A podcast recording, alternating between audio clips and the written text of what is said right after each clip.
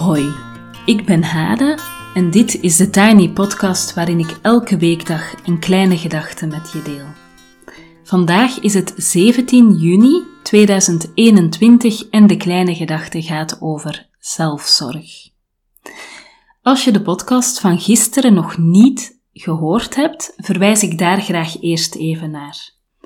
Ik vertelde toen wat zelfzorg allemaal niet is en nu neem ik jullie heel graag mee in een verkenning van wat zelfzorg wel is, of misschien moet ik zeggen hoe, hoe zelfzorg of waar zelfzorg begint.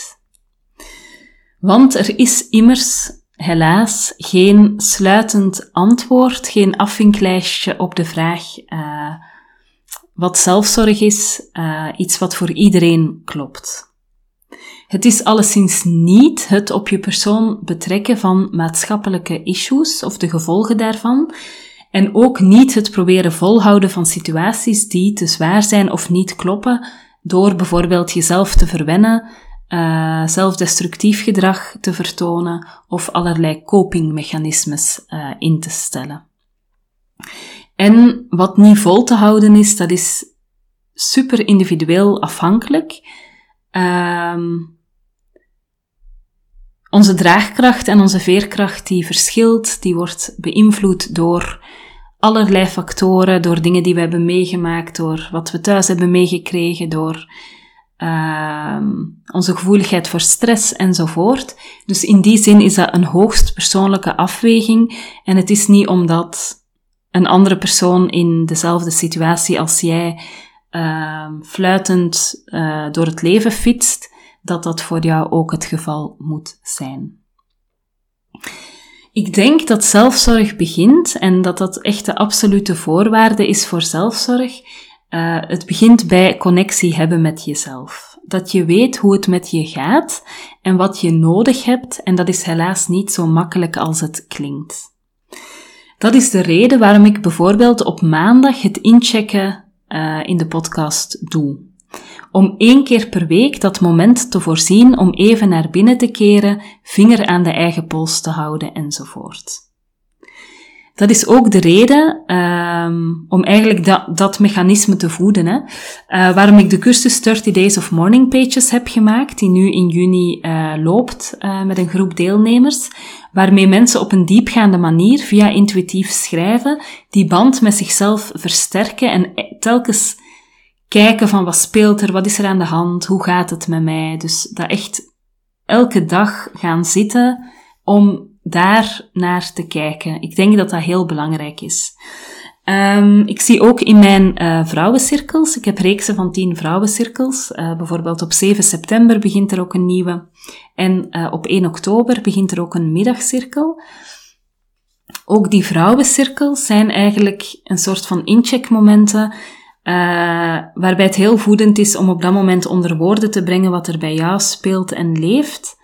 Uh, het jezelf horen uitspreken kan heel belangrijk zijn. Uh, soms schrik je van wat je jezelf hoort zeggen, dat je zo niet wist van dit speelt en dat je dat dan, ja, dat je jezelf plots over een bepaald issue hoort praten waar je dan misschien nog niet zo bij had stilgestaan. En ik merk bij die vrouwencirkels dat het ook heel voedend is voor mensen om van elkaar te horen wat er bij de anderen leeft en speelt, om eigenlijk te zien van welke ups en downs zijn er bij andere mensen, um, en zo te kunnen voelen van mijn eigen golfbeweging is niet zo abnormaal, andere mensen hebben vergelijkbare uh, ja, ups en downs in hun leven.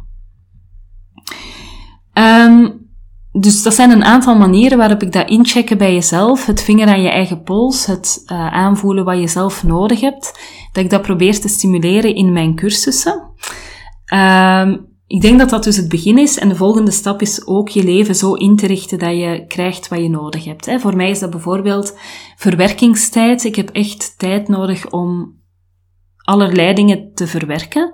Ook dingen die niet traumatisch zijn of zo, maar ik heb gewoon een intense beleving uh, en ik heb rust en stilte nodig om te bekomen van dingen.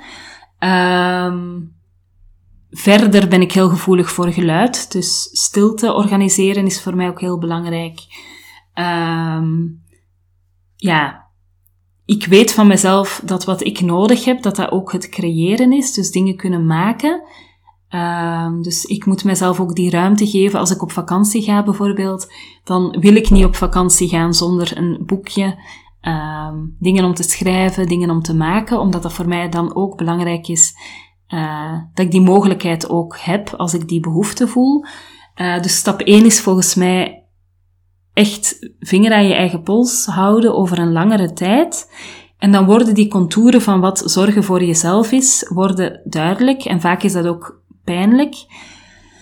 Ik gaf net een aantal makkelijkere voorbeelden, maar um, nou, ik heb mezelf bijvoorbeeld net gerealiseerd dat ik deze zomer niet iets nieuw mag doen, maar dat ik echt tijd nodig heb om uh, een laagje dieper te gaan. En dat is ook best vervelend, um, omdat ik mezelf dan heel erg moet afremmen, omdat mijn inkomen voor de zomer dan onzeker wordt. Um, omdat ik dan echt ook wat meer naar binnen moet keren. Dus het is vaak niet comfortabel om die zelfzorg die je nodig hebt, om die dan ook te gaan uh, realiseren. Nu zijn er verschillende uh, modellen ook uh, rond dat, die eerste stap, hè, bij jezelf komen, bij jezelf checken hoe het gaat, wat dat je nodig hebt. En een van de modellen die mij erg aanspreekt, uh, is het model van Willem van der Bent. Heb ik het ook al over gehad. Uh, uit zijn boek Voel je beter, tips en tools van een psychiater, waarin hij eigenlijk een model heeft uh, waarbij het de bedoeling is dat je en je batterijniveau, dat is je mentale energie, dat je die in kaart brengt naast je filter. Uh, de filter is eigenlijk hoe je prikkels, of ja, er zijn allerlei prikkels in het leven, interne prikkels, dus je eigen gedachten, angsten, alles waar je zelf mee te maken hebt, en externe prikkels, uh, geluid, reacties van anderen, ruzie met iemand. Um, en eigenlijk zijn we heel de tijd bezig die prikkels te managen. En als je een dikke filter hebt, komen die prikkels traag binnen of niet massaal tegelijk. En dan heb je het vaak wat makkelijker. Uh, terwijl als je een heel dunne filter hebt en die prikkels die stromen binnen, dan zal je veel meer energie nodig hebben om die ook te gaan verwerken.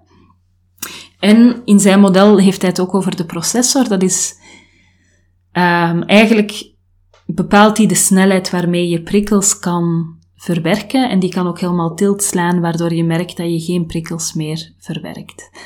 Um, ik vind dat een heel fijn model om zo in kaart te brengen van hoe gaat het met me en wat heb ik nodig. Dat is dan de volgende stap. Ik heb dit gebruikt ook in uh, workshops die ik heb gegeven. Uh, ik heb het dan over die mentale, uh, dat mentale energieniveau gehad van Willem van der Bent, die batterijlevels.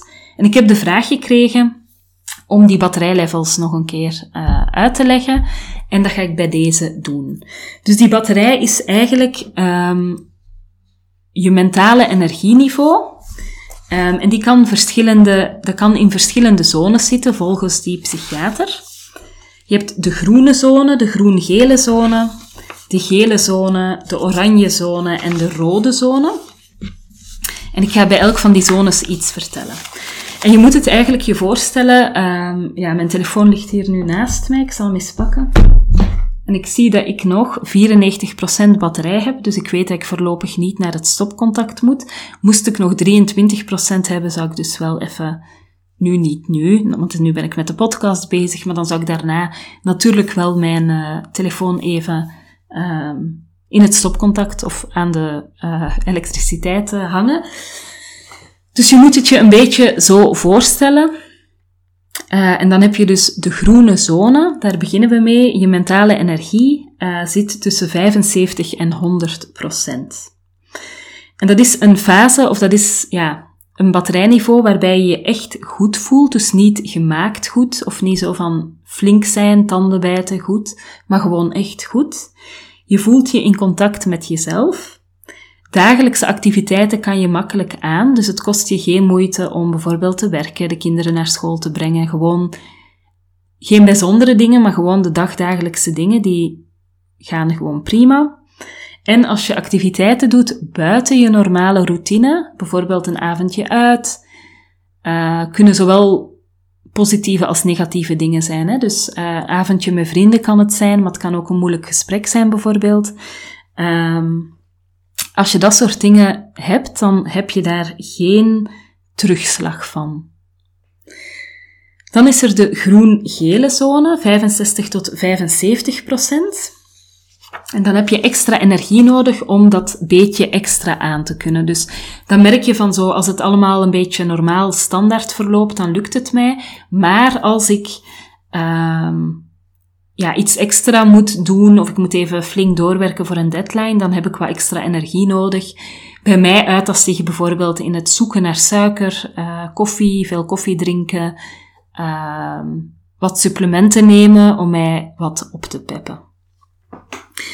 Um, als je een intensieve dag hebt gehad in de groen-gele zone, dan sta je niet te springen van energie, maar het lukt prima. Um, deze zone lijkt een beetje standaard voor mensen in een veel eisende levensfase. Uh, mensen die tussen 30 en 60 zijn en niet meer de energie van hun twintiger jaren hebben um, en vaak best wat verantwoordelijkheden dragen. Die mensen zitten meestal in die groen-gele zone. Um, en als er iets gebeurt buiten het normale stramien, dan heb je iets meer oplaadtijd nodig, maar dat is allemaal niet problematisch. Dan heb je de gele zone tussen 55 en 65 procent, waarbij je de dagelijkse gebeurtenissen en activiteiten als wat zwaarder ervaart dat uh, bepaalde activiteiten zoals verjaardagen, recepties, uh, de Zoom-borrel op het einde van de week, dat je voelt van eigenlijk kost mij dat meer energie dan dat ik daar energie aan overhoud of van krijg. Dit is ook de fase dat je opkijkt tegen dingen. Uh, dus zo'n gevoel van, kom, even flink zijn, even doorzetten. Uh, zo, ja, jezelf even moeten bij de lurven pakken om dingen te gaan doen. In, vanuit de gele zone zak je eigenlijk vrij snel naar een diepere zone, maar je veert ook wel terug. Uh, je ervaart schommelingen in je energieniveau. Bijvoorbeeld, s ochtends ben je moe, kom je traag op gang, maar doorheen de dag lukt het dan wel beter. Ik heb het omgekeerde. Ik heb vaak s ochtends goede energie en dat ik dan ook heel optimistisch ben. En ik heb s'avonds tussen 8 en 9 heel vaak een enorme dip dat ik ook heel moeilijk positief kan denken, uh, dat ik echt weinig energie heb. Um, in de gele zone heb je meer hersteltijd nodig van activiteiten en je voelt je vaak niet helemaal uitgerust. Uh, bijvoorbeeld, zelfs als je een keer heel goed hebt geslapen, dan nog ben je niet als nieuw. Dan voel je je wel oké, maar niet bruisend of zo. In de oranje zone zit je tussen 40 en 55 procent. Um, Krijg je klachten met invloed op het dagelijks functioneren? Je veerkracht neemt af. Het leven voelt moeizaam, zwaar, moeilijk. Alles kost veel energie en je bent al moe voor de dag begint. Je hebt weinig zin in dingen. Um, je ervaart ook schommelingen in je energie en dat is verwarrend. En voor sommige dingen kan je makkelijk energie opbrengen en voor andere niet. En daardoor lijkt het ook alsof je je aanstelt. Of krijg je misschien zelfs die reactie van andere mensen? Vaak heb je slaapproblemen, concentratieproblemen, geheugenproblemen uh, in deze zone en zeker ook een korter lontje, minder kunnen verdragen, geïrriteerd reageren. Bijzonder uh, is dat Willem van der Bent hier beschrijft dat je opknapt van hard werken. Ik ken dat gevoel, je krijgt dan een soort adrenaline soort hyperfocus en dat helpt enorm, maar op lange termijn put dat natuurlijk alleen maar uit. Um, en als je dit herkent, is het belangrijk dat je natuurlijk even contact opneemt met de huisarts. Um, ik denk dat ik deze zone heel goed ken. Uh, ik heb een tweeling van drie jaar. Ik denk dat heel veel tweelingouders of gewoon ouders van jonge kinderen kunnen zeggen dat het leven met jonge kinderen uh, en veel slaaptekort dat dat gewoon een heel pittige fase is. Um, voor mij is een heel typisch element als ik in deze zone zit, dat ik bijvoorbeeld een kamer, of ik ga naar de koelkast, ik doe die open en ik weet niet meer wat ik, wat ik ging nemen. Of ik loop naar een kamer in het huis. Ik loop de trap op en ik ga dan naar een kamer en dan denk ik, um, wat kwam ik hier ook alweer doen? Zo, niet weten ik ging iets halen, maar wat was het ook alweer? Zo dat gevoel. Dat is voor mij een heel typisch uh, gevoel dat dan hoort bij die fase. Dan is er ook nog de rode zone tussen 0 en 40 procent. Uh, en dan gaat het niet goed met je. Alles wat je wil ondernemen kost energie. Um, ik had als ik zwanger was van de tweeling heel erg dat ik, ja, bijvoorbeeld dan moest ik de was opvouwen van mezelf, omdat ik dan toch het gevoel had dat ik iets moest doen. En de was opvouwen kon ik dan nog wel een beetje, met die kanjer van een buik. En dan zat ik zo een kwartier te kijken naar die wasmand, om mezelf dan zo op te peppen van kom, ik moet gewoon beginnen en dan ga ik me beter voelen. Ik ga me beter voelen als ik het gedaan heb. Maar ik kreeg dat dan niet voor elkaar om daar aan te beginnen. In deze fase heb je uh, veel hersteltijd nodig. Je gaat sociale gelegenheden en contacten vermijden. Je bent in ziekteverlof of je overweegt in ziekteverlof te gaan. Je slaapt slecht, je uh, droomt veel, je bent onrustig s'nachts. Je hoofd gaat maar door. Het is een enorme drukte in je hoofd. Uh, je hebt moeite om rust te vinden. Je kan gevoelens van angst en paniek hebben. Ook irritatie naar jezelf en anderen toe. Um, je kan weinig interesse opbrengen voor andere mensen. Um, en hierbij is het echt belangrijk, uh, onafhankelijk van de hoeveelheid van de symptomen en de ernst, dat je zeker contact opneemt met een hulpverlener. denk makkelijk in eerste instantie de huisarts als je dit herkent. Voilà, tot daar de batterijniveaus. Um, ik hoop natuurlijk dat jullie allemaal blakend en wel in de groene zone zitten. Dat zou ik heel fijn vinden en dat wens ik iedereen toe. Als het niet zo is, um, zoek dan hulp, alsjeblieft. Um, Evalueer ook af en toe. Bijvoorbeeld, je kan wekelijks mee inchecken binnen de Tiny Podcast. Of je kan af en toe deze podcast opnieuw beluisteren en even evalueren in welke zone je zit. Om te kijken van hoe gaat het dan. Um, zit daar ook evolutie in uh, enzovoort. En wat ik zeker ook aanraad, is om niet pas aan jezelf te gaan werken of aan persoonlijke ontwikkeling te doen als je al in, in het oranje of het rood zit. Dat gaat op dat moment ook trouwens heel weinig uitmaken, want eigenlijk heb je daar dan de energie niet meer voor. Uh, maar ik denk dat het heel belangrijk is om op momenten, ook als het echt goed gaat, om dan um, ja, goed voor jezelf te zorgen, aan inner work te doen, aan persoonlijke ontwikkeling te doen. Um, en dat dat zeker gaat helpen om niet verder uh, zeg maar dieper te zakken. Of als je door omstandigheden um, toch naar die naar een lager batterijniveau gaat, om daar dan uit te komen met dingen die je kent en die je niet op dat moment nog moet gaan uitzoeken of verwerven. Uh, wat ik bijvoorbeeld in mijn eigen aanbod heb uh, voor het najaar zijn die vrouwencirkels. Ik zet ze ook even in de show notes een reeks van tien vrouwencirkels. De ene start in september en is op dinsdagavonden van half negen tot half tien, telkens een uurtje. De andere is op vrijdagmiddagen vanaf 1 oktober van 12 tot 1, geloof ik. Um, en dat is eigenlijk een reeks waarbij je gewoon wekelijks even incheckt met een groep, even vertelt wat er is, wat er leeft. Uh, ook bij andere vrouwen hoort wat er is, wat er leeft. En dat kan heel goed zijn en heel helend zijn eigenlijk uh, om dat te doen. Uh, wat je ook zeker kan meedoen op korte termijn, uh, op 30 juni heb ik een gratis uh, Precious Morning van 6 tot 7 ochtends. Dat is om de dag heel bewust te beginnen met inchecken bij jezelf en trager, bewuster, dieper. Um, en van 5 tot 11 juli is er een Precious Morning elke dag. En voor die reeks kan je je ook aanmelden. Voilà. Um, tot zover de Tiny Podcast voor vandaag. Morgen is er een poëziepauze, ook altijd heel goed uh, voor je batterijniveau. Je kan me volgen op Instagram, TheTinyPodcast. Je kan je abonneren via Google, Apple Podcast, andere uh, kanalen. Uh, dat helpt mij om meer zichtbaar te worden en dat helpt jou om elke dag de nieuwste aflevering in je overzicht te krijgen. Um, ik waardeer het heel erg als je deze podcast doorstuurt naar iemand anders die er misschien op dit moment nood aan heeft. Uh, of als je deze podcast deelt op social media. Um, en voor nu wens ik je een heel fijne dag en heel veel goeds en graag tot gauw.